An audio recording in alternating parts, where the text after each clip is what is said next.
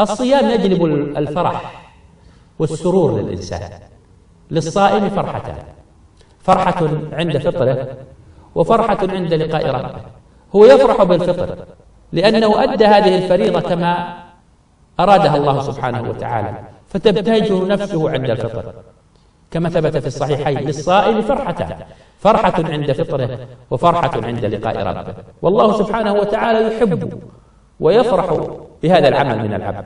ولهذا رائحة فم الصائم عند الله أطيب من ريح المسك.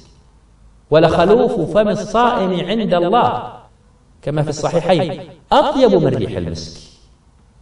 لأنه سبحانه وتعالى يرضى لعباده ويرضى عن عباده ويعلم أن هذا الإنسان إنما صام لأجل الله سبحانه وتعالى.